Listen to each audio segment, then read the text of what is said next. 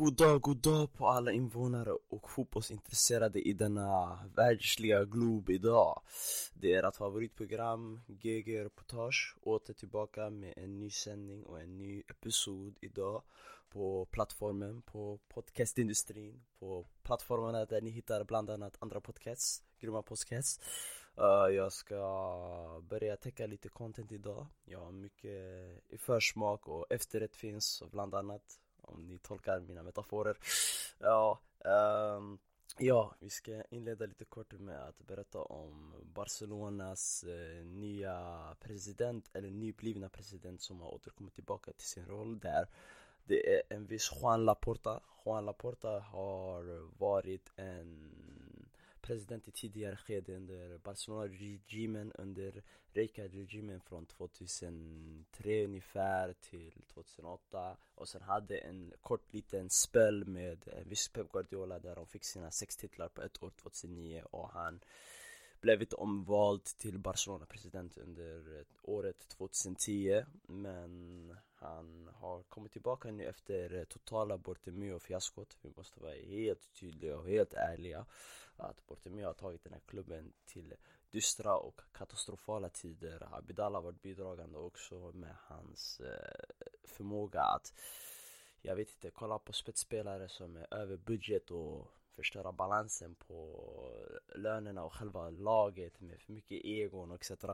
Så uh, det var lika bra att man gjorde utrymme för en viss eh, Juan Laporta igen. Juan Laporta är en bidragande faktor till att Barcelona var så bra som de var under 2010 under en viss Pep Guardiola. Också beroende på Guardiolas filosofi som var väldigt katalonisk, väldigt inspirerad från Cruyff bland annat.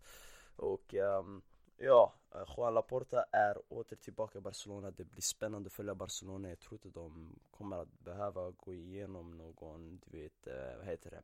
Någon rebuild igen som eh, visst, Milan, AC Milan har gjort. Inter, jag vet inte, jag skulle inte säga Juventus gick igenom en rebuild när de gjorde Calcio Pioli sakerna 2005 Bland annat med domarköpen och de gick ner till Serie B och alla nyckelspelare lämnade från Vera, Ibrahimovic etc men jag tror inte det blir något likt den här gången då Laporta också kollar på att anställa en ny sportslig ansvarig. Och det är en tidigare man som har arbetat under eh, uh, Sevilla, inte Sevilla förlåt mig korrekt, rätta mig om jag rättar mig senare. Jag menar Valencia. Um, och han berättar att uh, Matteo Alemani, Alemani är på väg att uh, bli uh, sportslig ansvarig för klubben uh, försäljningar och sånt där antar jag och uh, skicka scouter till olika klubbar och kanske Sydafrika, nej Syd Afrika generellt kanske möjligtvis eller Sydamerika etc. För att hitta talanger för bra pris, göra utrymme, uh, banta truppen, kanske satsa mer på La Masia som de tidigare gjort. Det var så de fick in de här Busquets, uh, Xavi, Piqué Uh, även om Piqué blev köpt tillbaka från United en viss tid tillbaka när han var yngre, relativt yngre. Men ja, det är bara förhoppningsvis, det är bara att vänta gott från en viss Laporta. Laporta är pålitlig. Laporta har eh, spetsen, han har kompetensen att föra tillbaka Barcelona till en viss tron eventuellt. Men då han måste göra utrymme för att göra sig av med Koman. Men Koman har ett avtal gällande, jag tror till nästa säsong efter. Så det blir lite svårt men det kan öppna upp för en viss Erik Den Hag eller Nagelsmann om Barcelona kommer med erbjudandet möjligtvis. För det är fortfarande två attraktiva unga tränare som har en spelidé och en vision. Ja, jag tror Erik Den Hag skulle passa mer i Barcelona-filosofin. Det är min personliga åsikt men ja, det var det i alla fall. Uh, vi, det där var en återkomst, det är därför vi kommer döpa upp den, den episoden idag till återkomstens vikt. Så det blir en, en följeslagare vi kommer att behöva följa efter eventuellt vidare framåt. Ja. Um, vi har annars i övrigt uh, en viss uh, Zlatan Ibrahimovic som har uh, kommit tillbaka till svenska landslaget och jag vet inte vad jag ska tycka om det här ärligt talat. Uh, många journalister idag och pundits och experter blir helt uh, galna och förälskade i idén av att ha en nästan 40 år gammal Zlatan Ibrahimovic i landslaget nu som har varit betydligt, betydligt bland, eh, betydligt imponerande mer utan honom än med honom.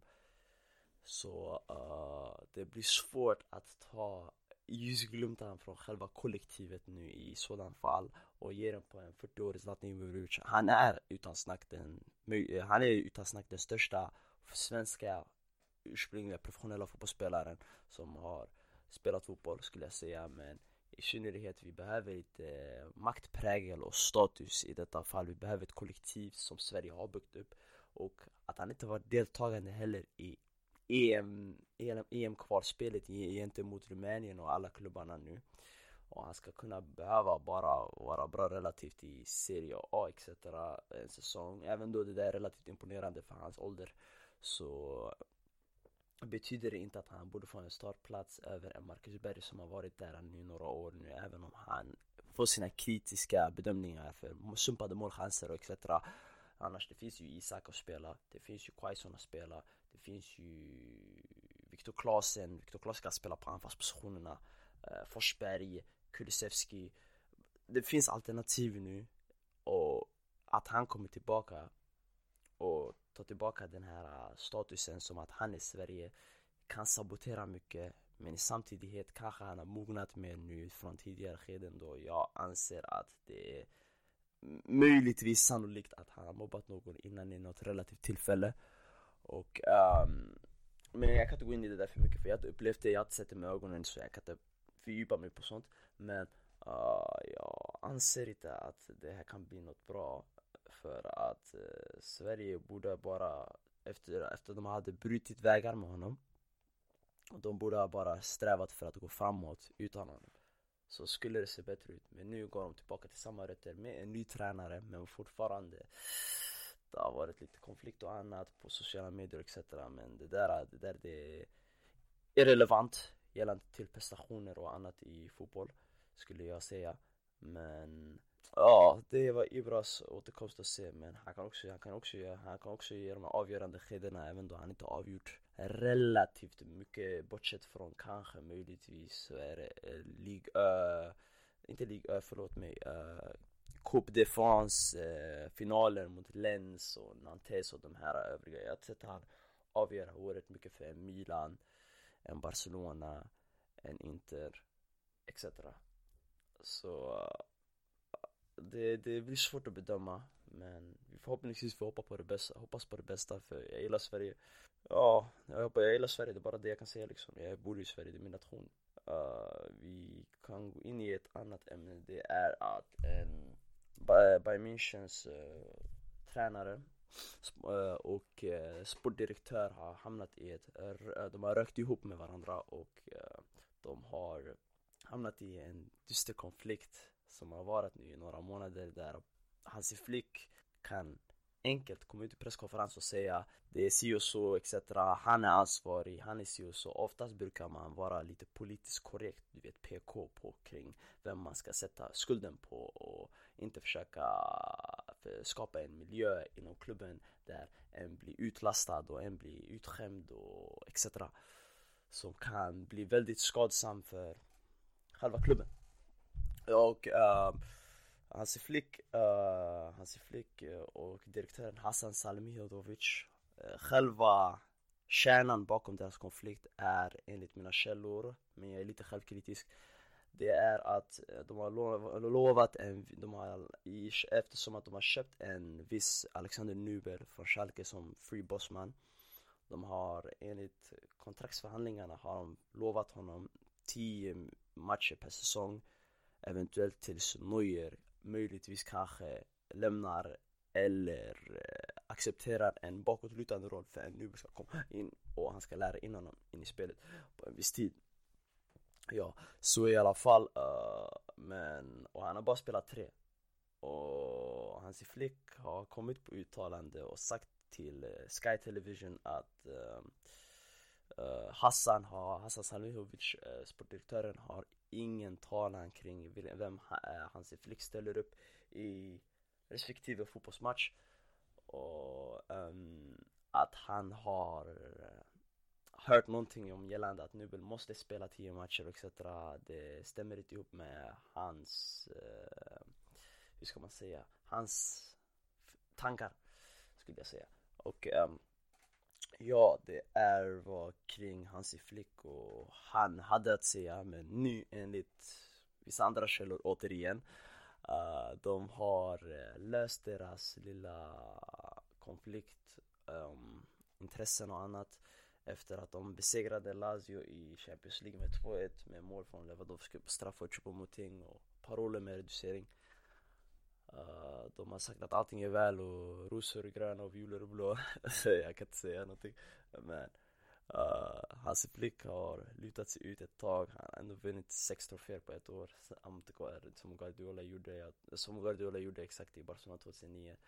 Och um, ja, han kanske vill ha en ny utmaning. Det blir så ibland. Man spelar ibland, man är ibland världsklasspelare varje dag i träningspassen i formationvalen, uh, eh, troféermässigt. Eh, du behöver bara motivera dem till maximal. Sen resten gör de. Joshua Kimmich och de här, de är otroligt kompetenta och grymma idrottsmän, fotbollsspelare. Ja. Um, det finns en annan topic. Inte för att jag gillar att hoppa runt. Jag kan djupa mig lite mer kring detta men Uh, det finns en annan nu, den är lite, jag anser den som lite kontroversiell då det är Dynamo Zagrebs, uh, vad heter han, deras Dynamo Zagrebs uh, manager som har fått ett straff på fyra år och um, nio månaders fängelse. Och att han villkorligt har lämnat rollen som Dynamo Zagreb eh, manager. Och precis fyra dagar innan de ska möta en viss Tottenham i Europa League eh, kvartsfinal. Där de ligger under 2-0. Men jag kommer gå in i det där väldigt snart. Uh, och um, ja, han har, han har varit direktör också innan. Och han har blivit dömd för uh, scam och etc. Och det, det, om man ska vara helt ärlig, transparent och logisk och ärlig det pågår massa sådana här skumma, eh, skumma fasoner ibland med advokater, eh, eh, sportdirektörer och sånt där. De, gör, de gillar att göra mycket under bordet och etc. Ja, jag vill inte bedriva någonting och skydda dem och etc. För jag, jag har vetat om det genom att man har berättat till mig tidigare för jag känner en två vänner faktiskt som är professionella. Och jag har frågat dem gällande, inte direkt vad de må tjäna i lön och etc. För jag har inte intresse av det där personligen. Eh, jag frågar dem bara eh, egentligen vad är det som händer med advokaterna, vad gör de egentligen? Sen det förekommer att de inte nämner i synnerhet djupa saker, eh, vad de gör i djupet men att de säger det finns under bordet saker man döljer för att få en massiv fördel. Det är alltid vad som väger upp, man vill ha mer fördelar än nackdelar. Det som väger upp i samhörighet med eh, att man vill undvika vissa saker, vissa fördelar, skatt, evasion etc. Och det var det han här nu blev dömd för cirka 1,4 miljoner euro uh, i tax evasion, undvika skatt. Det är vad de säger enligt den kroatiska domen. Men väldigt kontroversiellt skulle jag säga. Uh, jag kan inte gå in för mycket djupt i det där. För jag tror inte jag skulle våga göra det.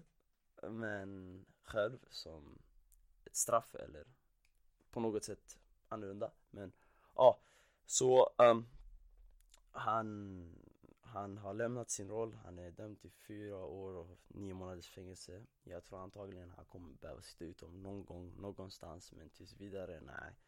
Så uh, ja, det var det i alla fall från Eh, Dinamo Zagrebs manager. Någonting hade hänt med deras president, jag vet inte exakt vad det var så vi kan eliminera det där och hoppa över det och fortsätta vidare. Uh, vi har annars, um, vad heter de? Vi har Europa League-matcherna, vi har Champions League. Uh, vilka var det som gick vidare och vilka var det som åkte ut? Uh, Lazio åkte ut. Atalanta åkte ut. Juventus åkte ut alla italienska lag i synnerhet som var med i Champions League har åkt ut. Den där ligan har riktigt gjort ett riktigt, riktigt platt mästerskap. Atletico Madrid eh, förlorar mot uh, Chelsea. Barcelona förlorar mot Paris Saint-Germain, det där var väntat från Mbappés soloräd i Camp Nou och det där. Uh, Vilka klarar, vilka klarar laget kvar från respektive England? Alltså det här City vann över Gladbach, ett tyskt lag åkte ut.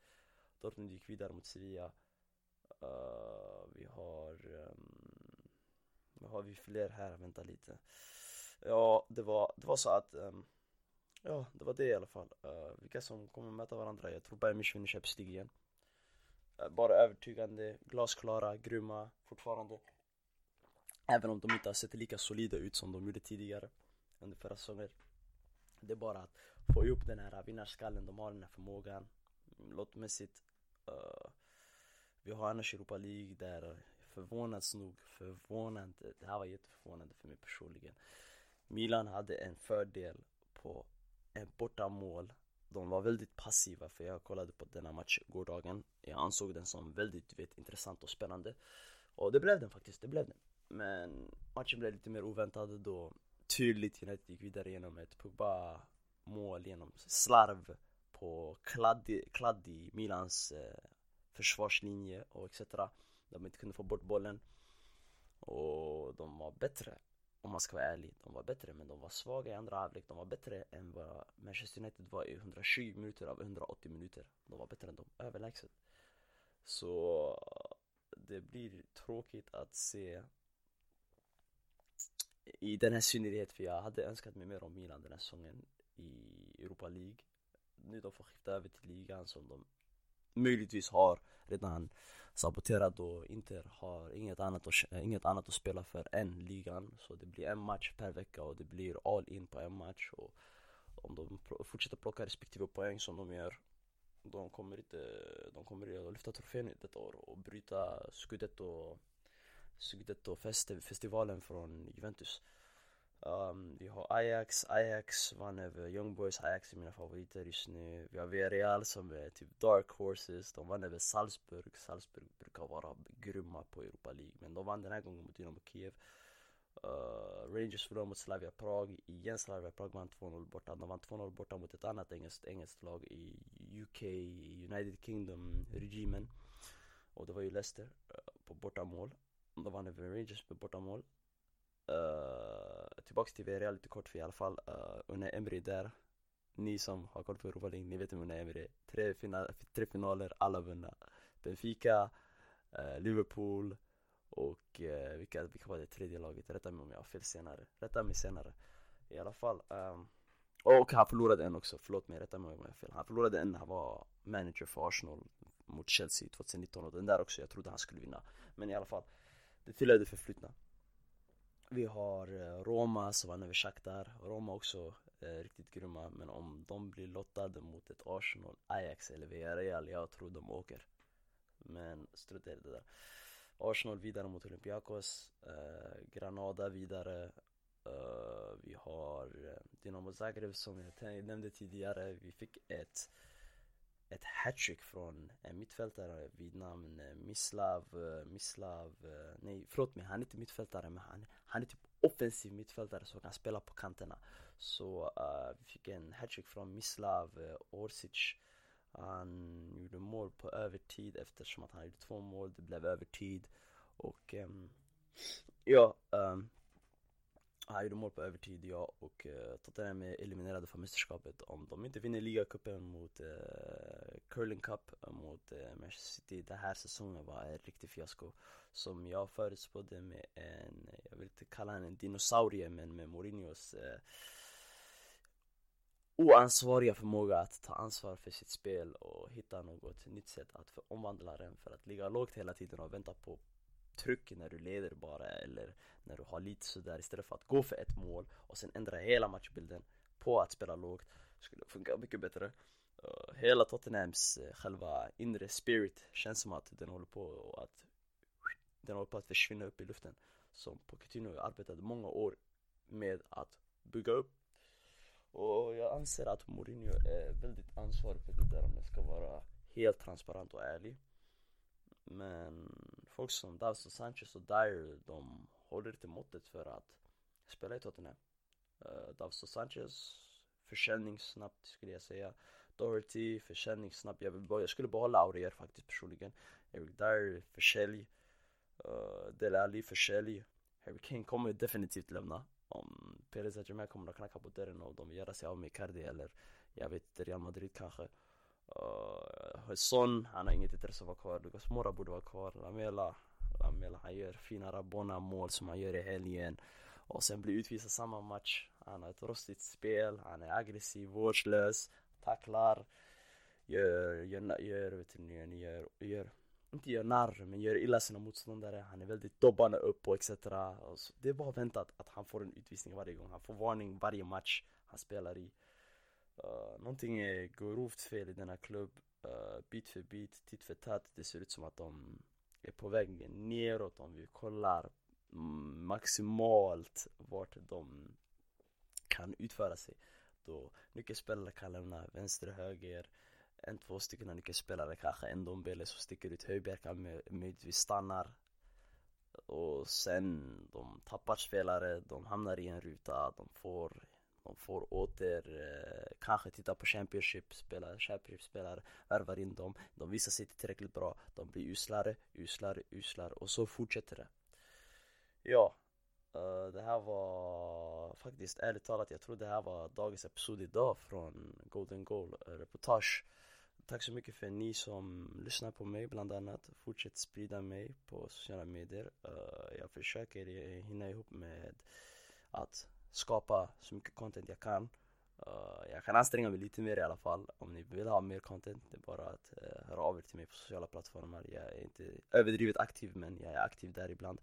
Och vi får hoppas på det bästa. Uh, det här var Golden Reportage. Ciao!